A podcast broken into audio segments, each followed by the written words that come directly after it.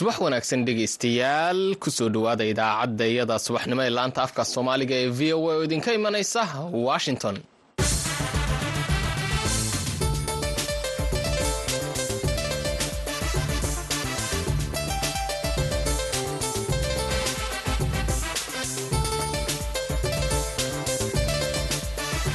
waa subax axad ah bisha maarjna ay shan tahay sanadka labada kun iyo saddex iyo labaatanka. Waxaadna naga dhagaysanaysaan mawjadaha gaagaaban ee lix iyo tobanka iyo sagaal iyo tobanka mitirban iyo bogga v o a somali com.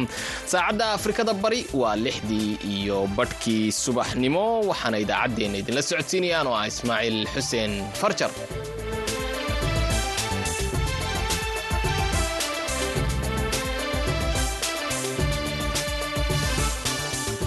qodobada aad ku maqli doontaan idaacaddayada saaka iyo caalamkana waxaa ka mid ah tobannaan kun oo qaxooti ah oo ka cararaya colaadda laascaanood oo gaadhay dowlad deegaanka soomaalida.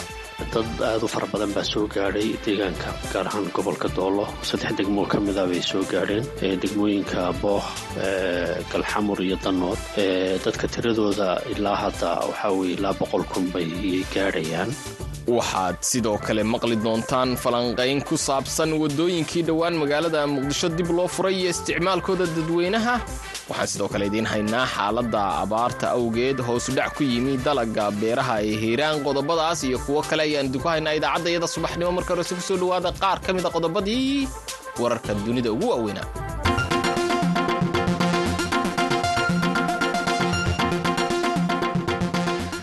maraykanka ayaa ku dhawaaqay kaalmo cusub oo gargaar milatari ah oo loogu talagalay dalka ukrain taasoo gaadhaysa ilaa afar boqol oo milyan oo dollar sida uu sheegay xogayaha arrimaha dibadda ee dalkaas antony blinken.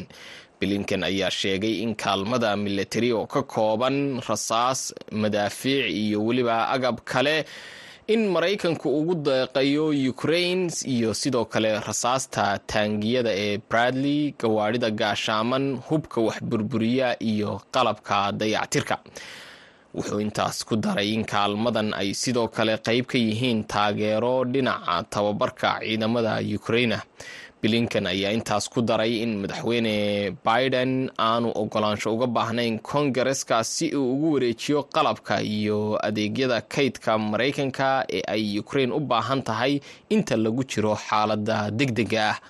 Marka lagu daro xidhmadan ugu dambeysay maraykanka ayaa hadda ukrain siiyey in ka badan laba iyo soddon bilyan oo gargaar milatari ah ra-yi ururin laga sameeyey ganacsiga maraykanka iyo shiinaha ayaa lagu ogaaday in markii ugu horreysay uu hoosudhac ballaadhani ku yimi. Sida ay shirkadaha maraykanka ay u arkaan maalgashiga shiinaha muddo ku siman shan iyo labaatan sano.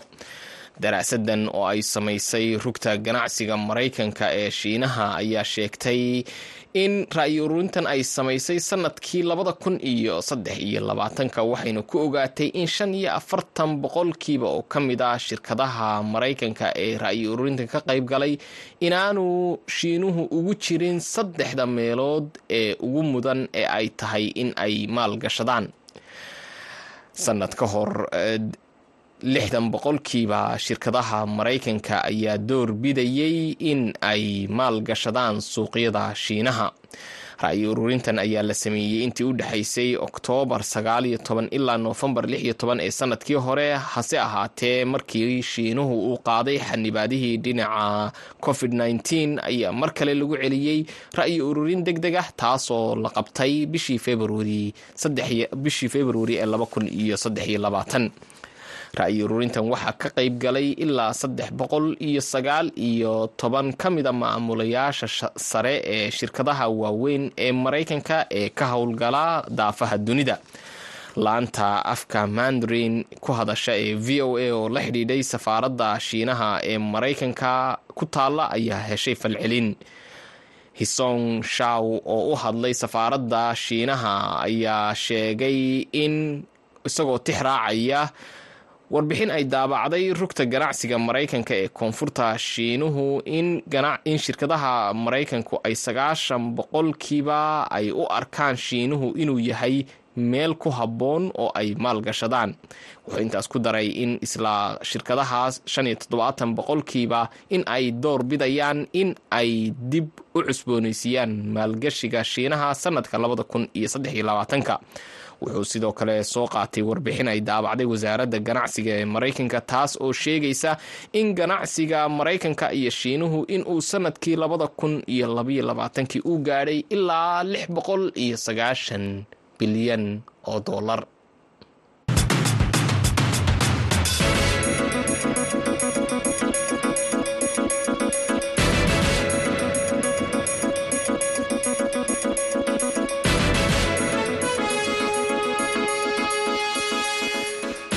wanaagsan dhegeystayaal laanta afka soomaaliga ee v o a ayaad nagala socotaan. Aan ku bilownee magaalada muqdisho. Dhowaan waxaa dib loo furay waddooyinka qaar ee magaalada muqdisho kuwaas oo markii hore aan loo ogolayn gawaadhida dadweynuhu in ay isticmaalaan. Hadda waxay awoodaan gawaadhida gaarka ah ee dadweynuhu inay isticmaali karaan wadooyinkaasi iyaga oo maraya baadhitaano amni arrintaasi ayaa la sheegay inay ka dambeysay kadib markii madaxda dowladda soomaaliya ay go'aankaas qaateen. Haddaba jamaal axmed cismaan ayaa arrimahaas ka waraystay maxamed xaadir nuure maxamuud oo ka faallooda arrimaha amniga iyo siyaasadda jamaal waa mahadsan tahay? Dabcan wadooyinkan arrintan waddooyinka hadda baabuurta loo ogolaaday in la baaro ay gudbaan dabcan arrin weyn oo bulshada soomaaliyeed sugaysa waaye. Waayadii hore dee dowladdu ama ciidamada jegboyntiyada joogo waxaa adkaa in shaksi gaari raaxa wato uu si sahlay ku gudbo. Haddii gudbayana waxaa lagu qasbi jiray inuu mas'uul waco ama idhikaar dowladeed uu ku gudbo. Marka laga reebo gawaari yaroo maaragtay si macrifo leh ku gudbi jiray laakiin hadda arrintan waxay ugu dhigan tahay in qof walbeeta awood u yeelin karo inuu maaragtay jigmoontiga mari karo in la baari karo in la hubin karo waana midda dadka soomaaliyeed oo dhan ay wada sugayeen waana go'aan dabcan dadka ay aada u soo wada dhaweynayaan oo rajo fiican laga muujinayo in caasimadda isku socodkeeda uu soo hagaagsanaanayo amnigana maaragtay runtii amni daradii awalba loo xiray ama qorshihii loo arkaya in amniga wax loogu qabanayana dabcan qorshayaasha dowladda hadda beryahan ay isticmaalayso ay ka mid tahay in yani istaraatiijiyad cusub oo amniga lagu xasilinayo caasimadda ay la timid taasna qayb bay ka tahay. Dabcanna bulshadu waxyaalaha ka cabanayaan ama xanuun ku hayana intaas ayaad marka hadda waa arrin wanaagsan la soo dhaweyn mudan waa gartay maxamed laakiin muddooyinka ugu dambeeyey iyadoo xaaladda magaalada muqdisho aynu ognahay dadaallo amniga lagu sugay in ay socdeen. Haddana waxaa ka dhacayay falal amni darra. Maalmo ka hor hubiyaala dhacay. Meelaha qaar waxaa laga soo sheegay dilal askarta dowladda qaarkood waxaa lagu eedan inay dilal geystaan. Marka arrintani bal ka waran maxay u keeni kartaa ama ay ka tari karaysaa falalkaasi ma laga yaabaa inay darsadaan ma laga yaabaase in ay xaaladda wax ka bedasho oo dhinaca amniga ay adkayso. Amniga caasimadda dabcan dee magaaladan muqdisho dhinac markaan ka fiirin horta waa magaalo aada u yar dhinac markii laga fiiriy waa magaalo aada u ballaaran. Dee magaalo ay ku nooshahay dad tiro aada u fara badan ilaa saddex malyan ilaa afar malyan la qiyaasaa ku nool.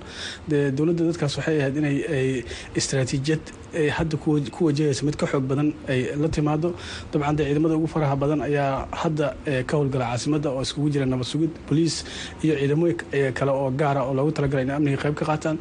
Marka horta ciidan iyo agab caasimadda ku filan hadda uu yaalla keliya waxaan is leeyahay xoogaa istaraatiijiyadii waxaas lagu wajihi lahaa ama amniga si buuxdo gacanta loogu dhigi lahaa ama qofka soomaaliyeed uu ugu naaloon lahaa inuu meel walba si xornimo ku maro ayaa weli waxaa is leeyahay qorshahaasi lama xaqiijin laakiin sida hadda beryahan aan arkeyno ama bilowga ah ama rajada hadda jirto dee ra'isul wasaaraha maalowed saraakiishii taliyaha booliiska soomaaliya maalowed saraakiishii booliiska oo hore ama dadkii maarata siinarka wacay qorshe badanoo amnina hadda caasimadda hadda waa laga diyaarinaya. Haddana waxaan rajeynaya isbedeladaas iyo rajada hadda la qabo iyo dowladda iyo aragtida hadda ay la imaaneyso inay wax badan oo maaragtay hore u qaldama dib loo saxo in caqabadaha amni ee caasimadda ka jiro xalkooda la helo. Dabcan magaaladani mudday maaragtay la daala dhicaysa xanuunada amni darro waxaan ognahay in maaragtay labada shabeelle ee culeyse kaga imaanayeen kooxaha ku sugan oo marka qaarkiis yacni ka soo gudbaya si la sheegayo marka laakiin hadda aragti fiican baa socoto iyo istaraatiijiyad iyo qorshe hadda caasimadda wax badan looga qabanayo. Qayb ka midana waa bilow hadda waddooyinka in isku socodka la fududeeyo in dadkuna maaragtay ay mar dhow ay aamini doonaan in hayadaha amniga ay maaragtay kalsooni meel walba ay ku mari doonaan. Kaasina waxa uu ahaa maxamed xaadir nuure maxamuud oo ka faallooda arrimaha amniga iyo siyaasadda oo u warramayay wariyaha v o a jamaal axmed cismaan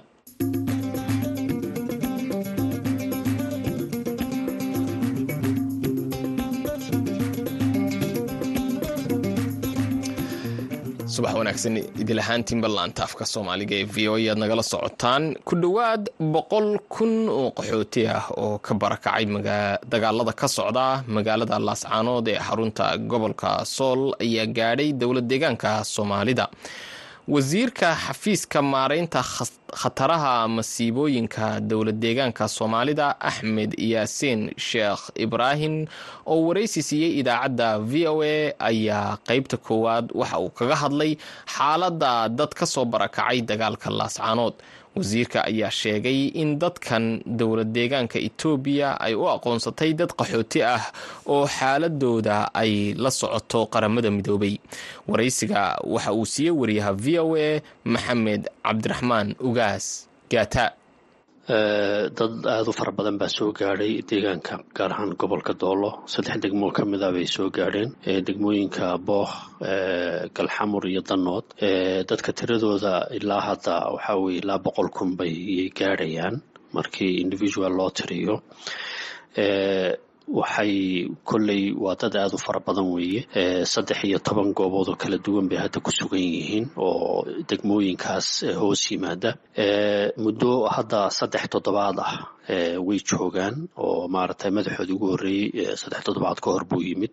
Muddadaas intaas ay yimaadeen ilaa hadda waxaa socda howlgallo maaragtay bal qaabkii wax loogu qaban lahaa lagaga baaraandegayo oo laga shaqaynayo si guud markii ay soo bilowdeenba waxaan dirnay tiam ballaadhan baan dirnay.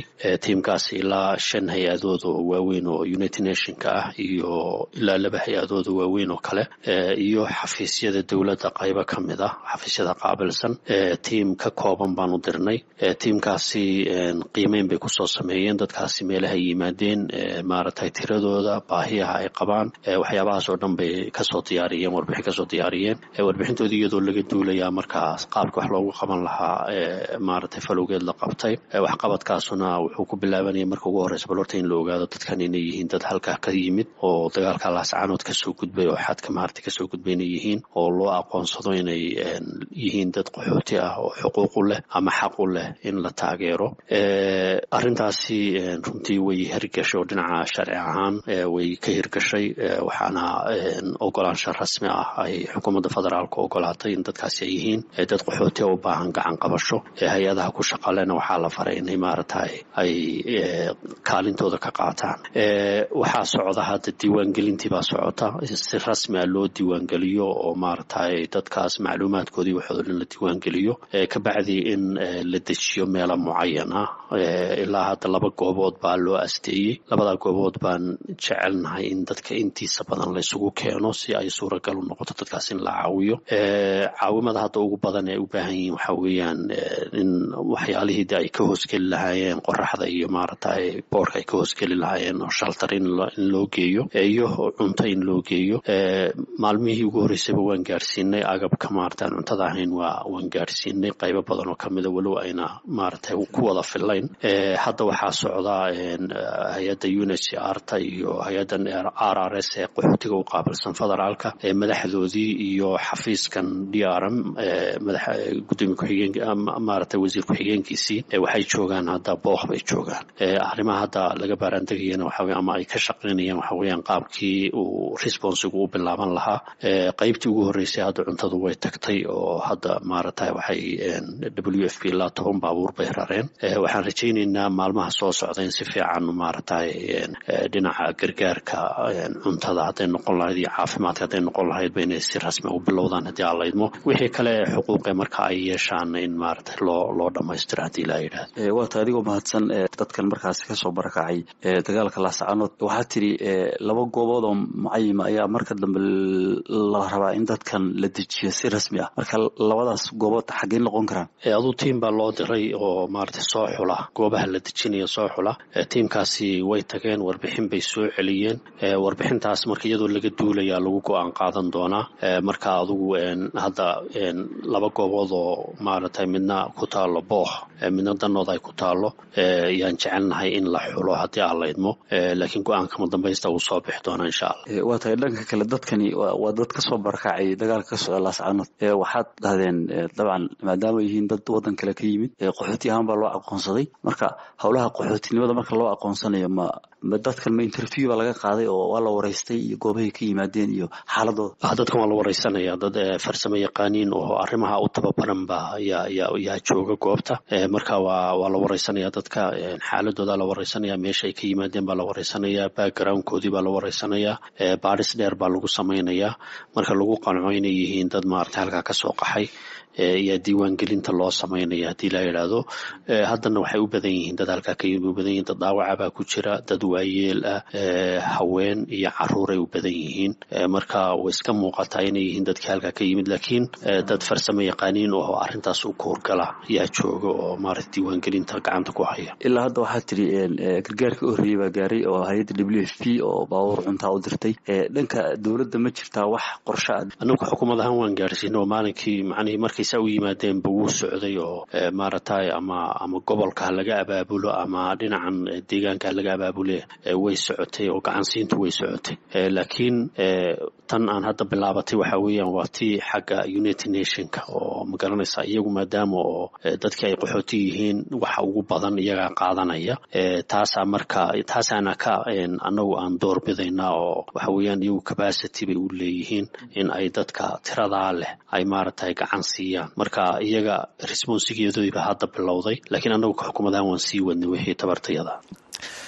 Kaasi waxa uu ahaa wasiirka maareynta khataraha masiibooyinka ee dowlad deegaanka soomaalida axmed yaasiin cabdiraxmaan axmed yaasiin sheekh ibraahin aan idhaahdee oo u waramayay wariyaha v o a maxamed cabdiraxmaan ugaas gaata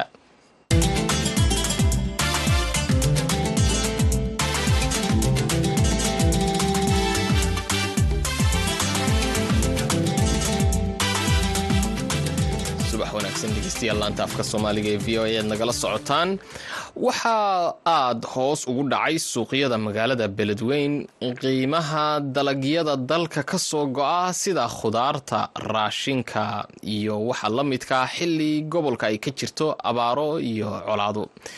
Biyaha webiga shabeelle ayaa sidoo kale deegaanada qaar laga waayay ilaa labadii bilood ee la soo dhaafay muuse axmed nuur waxa uu ka mid yahay beeralayda deegaanada hoos yimaada beledweyn wariyaha v o a gobolka hiiraan. Xuseen xasan dhaqane ayuu uga waramay saameynta abaarta iyo weliba colaadaha gobolkaas ka jira. Markii aan ka waramo tacabka beeraha sanadkan wax soo saarkiisu waa iska fiicnaa. Hase yeeshee suuq ma helin. Suuqyadii beeraha oo loo iibgeyn jiray ascaarta kala duwan oo badarka iyo qudaarta iyo kulli waxa loo iibgeyn jiro dhan waa ay liitaan. Waxaana kalifay arrinkaas keenay inay gatami waayaan colaadaha dalka ka jiro abaaraha isu socodxumada dalka ka jirta aawadeed. Taasoo kaliftay in dadkii reemiiga ahaa oo xoolaha soo safarsan jiray xoolihiina ay ka liitaan haddana aysan suuq lahayn kii dhiig lahaana uusan suuq lahayn. Xabad xabadka ay kala soo baxeen oo amaad iibsataan wax ku bedelataan ay lahaayeen oon suuq lahayn. Taas aawadeed marka ascaartii baarihii laga keenay iyo xoolihii isku si beecuma leh. Magacii waa muuse axmed nuur hadda magaalada kala iibsigooda waxay wax marayaan. Loorka geleyda hadba dadku say u yaqaanaan geleyda ama aranbaqida noocii doona wax loo sheego magaxa loo fasiro. Geleyda loorkeedu wuxuu marayaa labaatan dolar misagadu loorkeedu waa labaatan iyo laba dolar ilaa labaatan iyo saddex dolar digirtu loorkeedu waa konton dolar ilaa lixdan dolar maxaan ku ihahdaay sisintu halkii kiilo oo siisana. Sisinta soo saarkeedu sanadahan waa u wuxuu marayaa kiilowgeedu dollar oo marayaa. Marka xaaladaha kala iibsigu waa sidaas. Qudaarta qudaarta markii loo noqdo qaraha xabadiisii halkii xabo waa laba dolar ilaa saddex dolar xabadda koowaad ee berimada ah. Yaanyada tanaga koowaad ugu badnaan waa afar doolar saddex doolar hadba waa iska sidaas. Basasha loorkeeda dhan waa toban doolar halka looro basasha waa toban doolar qudaartu iyo ascaarta kulli wax walba waxa wadaniga ah oo dhan waa un maxaan ku irahdaa waa aad u qiimo jaban yihiin aad iyo aad. Muuse maadaama aad beeraleyda magaalada ka mid tahay dabcan waa ka warqabtaa waxa sabab u ah. Maxay tahay waxa hoosu dhaca ku keenay qiimihii waxyaabaha dalka ka soo go'a? Waxaa kalifay arrinkaasu kow waa colaadaha labo waa abaaraha. Labada maado ugu muhiimsan ee dalkan ku kaliftay.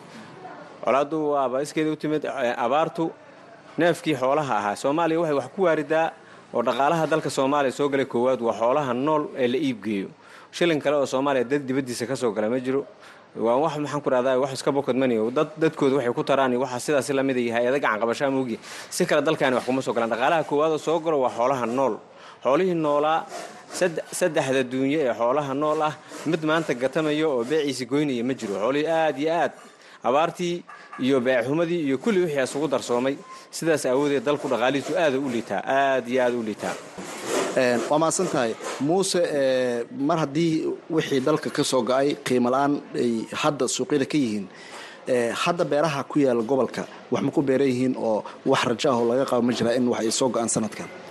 Beeruhu labay u qaybsan yihiin. Beerana waa beero gacanku waraaba webiga beerana waa beero xareedeed hadda haddii maxaan ku raha sanada guuga waxay noqon doontaba sanada guuga waxay noqon doontaba beeraha webiga wax tacabo kama socdaan.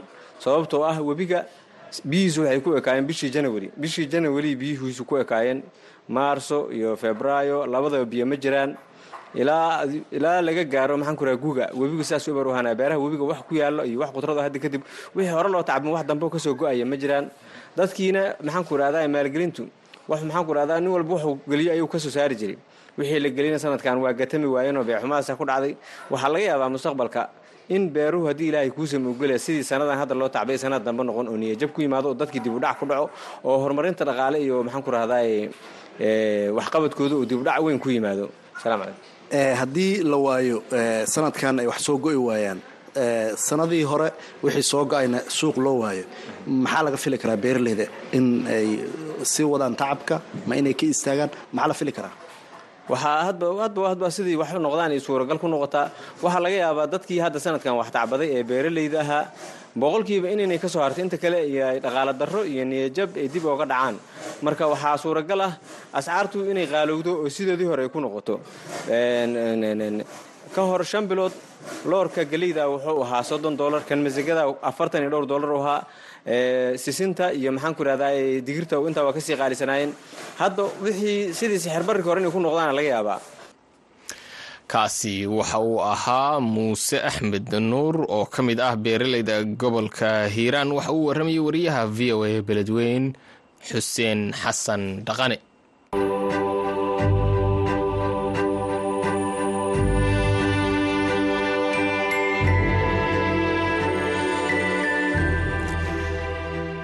subax wanaagsan idii lahaantiin ballaanta afka soomaaliga ee v o yaad nagala socotaan mas'uuliyiinta jubbaland ee gobolka gedo ka soo jeeda ayaa walaac weyn ka muujiyey xaaladda bini-aadannimo ee ka jirta gobolkaas kadib abaaro ku soo noqnoqday.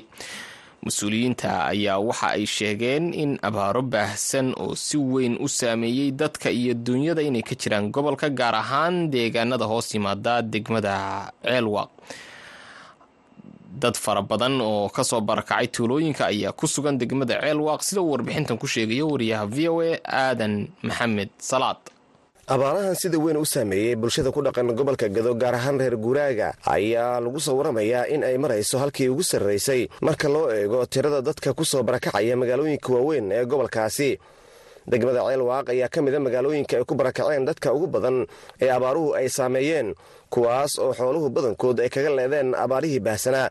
Ee sannadihii la soo dhaafay ku dhuftay meelo badan oo jubbaland ka mid ahi. Inkastoo rababkii guga iyo deerta sidii la rabay aanay u di'in ayaa haddana waxaa dadka si weyn u saameeyey oonka iyo haraadka ka jira deegaanada dhulka miyiga ahi ee gobolka gado maxamed cabdi kaliil wasiiru dowlaha wasaaradda amniga ee jubbaland oo ku sugan degmada ceelwaaq ee gobolka gado ayaa sheegay in xaalad bani'aadanimo ee ka jirta deegaanadaasi loona baahan yahay in gargaar bani'aadanimo lala soo gaaro. Waxaa ka jiray gobolka gado waa abaar baahsan oo ay dunyo iska dahaya dadka inay ku dhintaan la maraya waxaan ugu baaqaynaa in ay jirto macaluul daran oo dunyadina ay dadku dhaafeen dadkana inuu ku lecda la marayo taasna waa baaq aan jeedinaya waxaan xog hoose maanta halkaa idinkaga timinaya in shacbiyadda gobolka gada ku dhaqan ee degan ay la ildaran tahay abaaro iyo macaluul iyo baahi ee aanan la khayaasi karin oo diraacyadii la soo gudbay oo abaaraha isdaba joog ahayd. Midda maanta taagan oo kale weli inaysan gobolkan ka dhicin. Way u baahan yihiin dadka degan gurmad way u baahan yihiin dowlad way u baahan yihiin muxuu ahaa bini-aadamnimo way u baahan yihiin gargaar samafal oo ay u baahan yihiin in il gaara lagu fiiriyo dadka gobolkani degan wasiiru dowlaha wasaaradda amniga jubbaland maxamed cabdi kaliil ayaa ugu baaqay madaxweynaha dowladda soomaaliya mas'uuliyiinta ugu sarraysa jubbaland iyo sidoo kale qaybaha kala duwan ee jaaliyadda soomaaliyeed in ay gargaar la soo gaaraan dadka soomaaliyeed ee abaaruhu ay saameeyeen kuwaasoo qarka u saaran macluul. Dowlad goboleedka jubbaland dowladda federaalka hay'adaha samafalka ah waxaa ka jirayay gobolka gado waa abaar baahsan oo ay dunyo iska dahaya dadka inay ku dhintaan la maraya ilaahay ha naga soo gaaro. Taas ilaahay baanu u bandhigaynaa in yaanu muxuu ahaa u bandhigaynaa inuu ilaahay abaarta naga bixiyo. Maxaa yeele gacan bini aadan abaar looguma baxa laakiin inta la kari karo dadka jaaliyadaha qurba joogta oo gobolka ka soo jeedo iyo hay'adaha samafalka ah iyo cid kaste oo gargaar bini aadamnimo ee gobolkan la soo gaari kardha waxaan ugu baaqaynaa in ay jirto macaluul daran oo dunyadina ay dadku dhaafeen dadkana inuu ku lecda la marayo. Taasna waa baaq aan jeedinaya waxaana codsanayaa in hay'aduhu samafalka hadda anigu waxaan joogaa degmada ceelwa waa amni cid kaste oo gargaar keeni kartaa bini aadamnimo waa keeni kartaa degmo kastoo gobol ka mid ahna waa la mid marka waxaan taa iyada ah mar labaad baaq jeedinayaa in madaxweynaha dowlad goboleedka jubbaland iyo madaxweynaha dowladda federaalka ee soomaaliya mudane xasan sheekh maxamuud iyo hay'adaha gargaarka ee samafalka ah inta roobabkii guga iyo deyrta oo sidii la rabay aan u di'in dhaqaalaha gobolka oo aad u hooseeya isbeddelka cimilada iyo dhibaatooyinka qallaasaha dhanka siyaasadeed ee gobolka gada ka taagan ayaa si weyn u saameeyey dadka reer guuraaga ahi iyo kuwa magaalooyinka ku nool ee gobolka gado kuwaas oo dhaqaalahoodu aad u hooseeyo. Waxaana sii kordhaya tirada dadka xooluhu ay kaga leedeen abaaraha baahsan ee ku qulqulaya magaalooyinka waaweyn. Aadan maxamed salaad v o a magaalada kismaayo. Haatana gebagabadii idaacadda ayaan ku sii siqaynay. Mid ka mid a heesaha uu ku luuqayo fanaanka lafoole ayaa idinku soo maqan